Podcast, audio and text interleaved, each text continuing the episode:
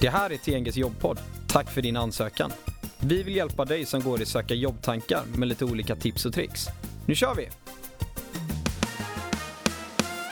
Ett speciellt avsnitt väntar er lyssnare idag. Vi kommer ta emot frågor från arbetssökande och försöka besvara dem på bästa möjliga sätt.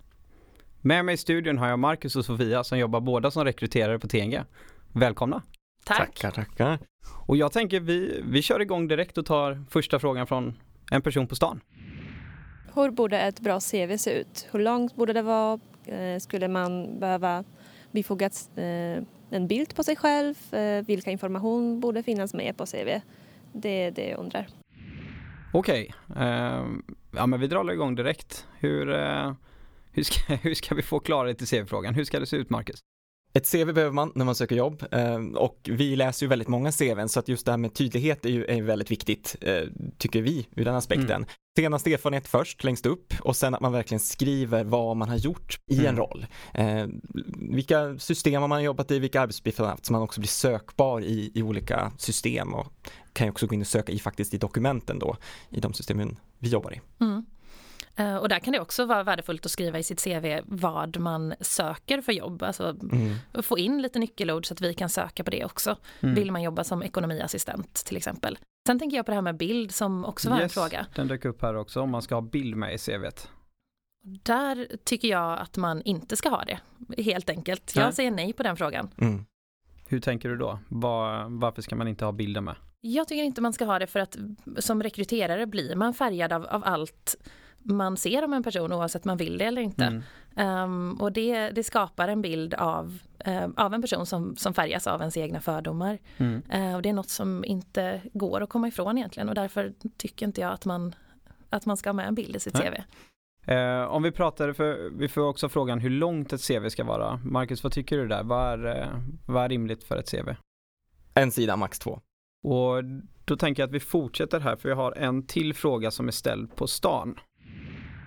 Alltså jag var, jag var på en intervju för ganska nyligen sådär och eh, då fick jag frågan om, om eh, hur mitt privatliv såg ut. Eh, och det, jag blev rätt ställd av det. Så, så jag, undrar, alltså, jag undrar, får man ställa sådana frågor? Den här frågan det är ju någonting som vi tidigare har diskuterat i podden och jag tänker jag slänger över den direkt till dig Sofia. Ehm, och ja, hur, hur är det med att fråga om sitt privatliv eller någons privatliv i en intervju? Mm. Är det okej? Nej, jag tycker inte att det är okej. Det är någonting som, som tyvärr ofta förekommer. Jag tror att många har blivit bättre på att, att fokusera på, på kompetens och på kanske det som är, är relevant för en persons eh, förmåga att utföra sina arbetsuppgifter. Mm. Eh, men det förekommer fortfarande väldigt ofta att man får frågor om sitt privatliv. Nej, men det är någonting som vi som, eh, som rekryterare som är ute hos olika företag och arbetsgivare också ofta ställs inför att vi Mm. får, får kanske påminna om att de frågorna inte är relevanta. Och är man inte så van att sitta med rekrytering så är det lätt att tro att, att det spelar stor roll för vem man anställer. Ett begrepp som vi ofta brukar prata om det är ju och det här med att rekrytera för fikarummet. Alltså att man ofta vill få in personer som har samma intressen som många andra Mm. på arbetsplatsen. Man kanske spelar golf eller spelar tennis eller har något intresse. Och det kan ju spontant kännas jättekul att man har någonting att prata om men det kan också göra att man får en väldigt homogen grupp. Vilket gör att man, man missar den här mångfalden och, och ja, får Mm. olika infallsvinklar i gruppen. Okej, för jag, det är ju min första tanke med just den privata frågan. Att det måste vara, jag tänker att det är jätterelevant när jag ska söka jobb. Vad jag gör på fritiden och om jag är med i någon lagsport och så vidare. Men det är ju troligen, man får väl se lite som att att folk kanske frågar ur bästa intentioner så, för man vill lära känna varandra sådär. Mm. Men man kollar lite an, andra aspekter av det, jag menar har du, eh, kommer fram kanske då små barn, då kanske man, okej det kanske blir vab, så att det kan ju påverka dig negativt att välja bort en kandidat just på grund av, ja men familjesituation och så vidare. Ja men just faktorer som, som kan påverka då, jag menar kön, ålder, sexuell läggning Mm. och familjesituation och så vidare, det är ju faktiskt diskriminerande och det är ingenting som ett, som ett företag får välja bort på. Men om, om vi ska summera upp lite av den här, eller ge något tips till den här personen som har ställt frågan, vad, ska, vad säger vi då? Ett konkret tips är att söka jobb på företag som, som sätter kompetens och arbetsprestation i fokus. Och till nästa fråga så har vi med oss en lyssnare på telefon. Hej! Hej. Jag tänkte att det är bara att ställa frågan till Marcus och Sofia här så ska vi försöka besvara så bra som möjligt. Ja, vad bra. Eh, jo, det är så här att av olika anledningar så har jag varit arbetslös Eh, under eh, långa perioder. Och jag känner att jag måste försvara mig i detta varje gång jag kommer på någon intervju. Ja, jag undrar lite, hur, hur tycker ni att jag ska förhålla mig till, till det här? För mig så tycker jag det, det viktiga är att man eh, kan prata öppet om en arbetslöshet eller en period som man har varit utan arbete. Mm. Um. Sen är det, det känns tråkigt om du känner att du måste försvara dig. Däremot så eh, får du jättegärna förklara vad det är för, eh, vad, vad du har för anledning till att du har varit arbetslös. Kanske varför din senaste anställning tog slut och om du har gjort någonting annat under tiden. Ja men precis, det finns ju många anledningar till varför man, man kanske varit borta från arbetet ett period. Ehm, och tyvärr som vi, som vi alla vet så är just, ja men åldersdiskriminering är ju vanligt förekommande, både, både hög och låg ålder. Ja men så kan man ju också haft otur eller, eller hamnat, hamnat lite fel helt Mm. enkelt. Mm. Man kan ha varit alltså, konkreta orsaker som man kanske glömmer att skriva med i ett CV, att man har varit föräldraledig, man har tagit hand om sjuka föräldrar, man har varit ute och rest eller av någon anledning varit borta under en Mm. period. Ja men jättebra. Hur kändes de här svaren?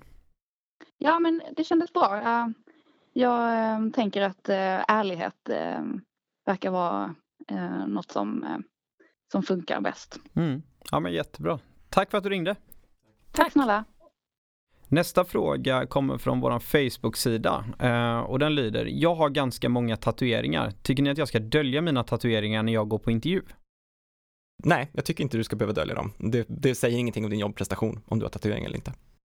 Jag tänkte att vi fortsätter här på de frågorna som vi fått in från vår Facebook-sida. Och nästa fråga är, är det lönt att skicka in så kallade spontanansökningar? Är det någon som överhuvudtaget läser dem? Vad säger du där Sofia?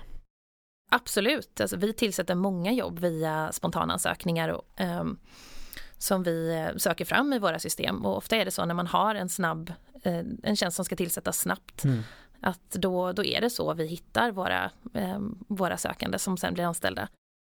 Och jag tror också att förut tror jag att systemen eh, kanske var lite mer fyrkantiga där. De har blivit mycket bättre på senare tid där, där man faktiskt kan söka i bifogade dokument och, och fånga upp de här ja, kompetenser och speciali- eller, ja, system och så vidare. Okej.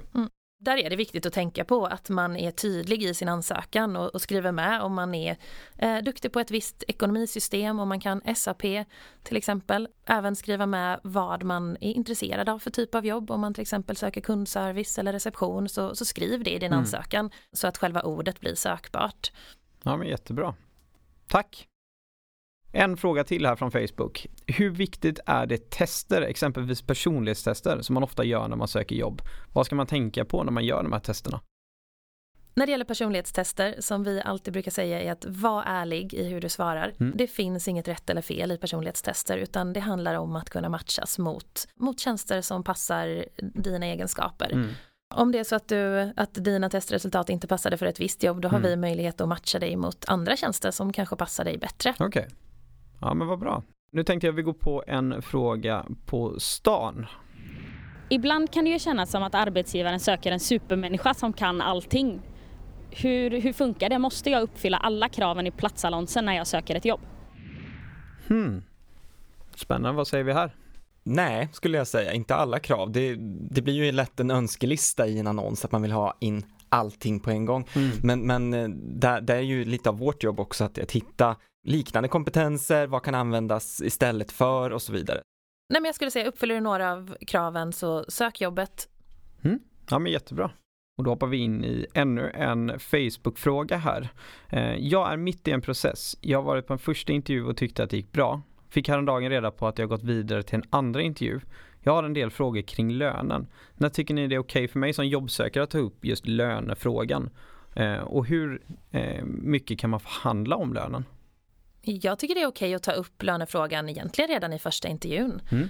Har man tankar kring vad man, eh, vad man vill ha för lön så är det lika bra för oss som rekryterare att få veta det direkt. Eh, det. Sen kan man ju komma ihåg att vi som rekryterare är vana att prata om lön. Det är ingenting som känns dramatiskt eller kontroversiellt för oss utan Nej. eh, det kommer väldigt naturligt. Precis, det är ju någonting man gärna stämmer av tidigt då, att vi kan mötas, för oftast har ju vi ett lönespann som vi jobbar utifrån i, i Mm. en tillsättningsprocess. Så att, eh, det är viktigt att, man kan synka det, men, men såklart det är ju en förhandling någonstans egentligen under hela processen också. Okej. Och nu har vi en till fråga här på stan. Jag har precis sökt ett jobb som jag verkligen, verkligen vill ha.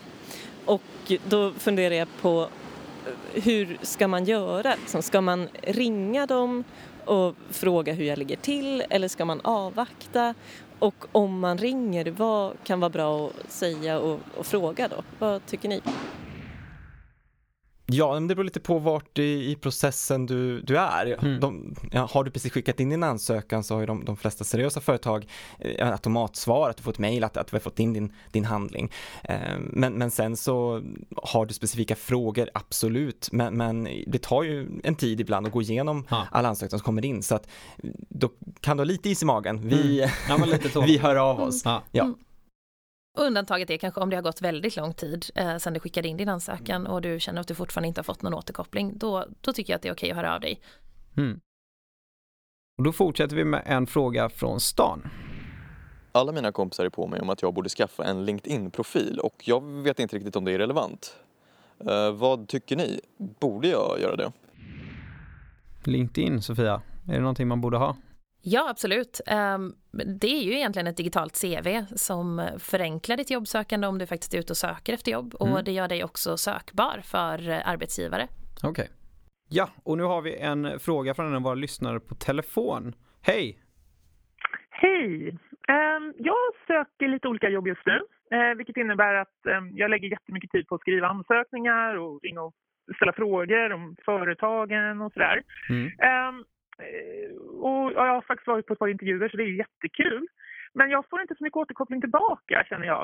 All den här tiden som jag lägger och så är det nästan som ett svart hål här när jag väntar på svar. Och nu har jag ett par processer faktiskt där jag um, verkar vara lite slutskede och, och måste väga de här jobben mot varandra. Hur, Mm. hur gör jag det och hur, hur tar jag kontakt med rekryterarna så inte de känner att jag stressar på för mycket och blir lite jobbig. Jag vill ju liksom fortfarande ha ett gott rykte med dem. Mm.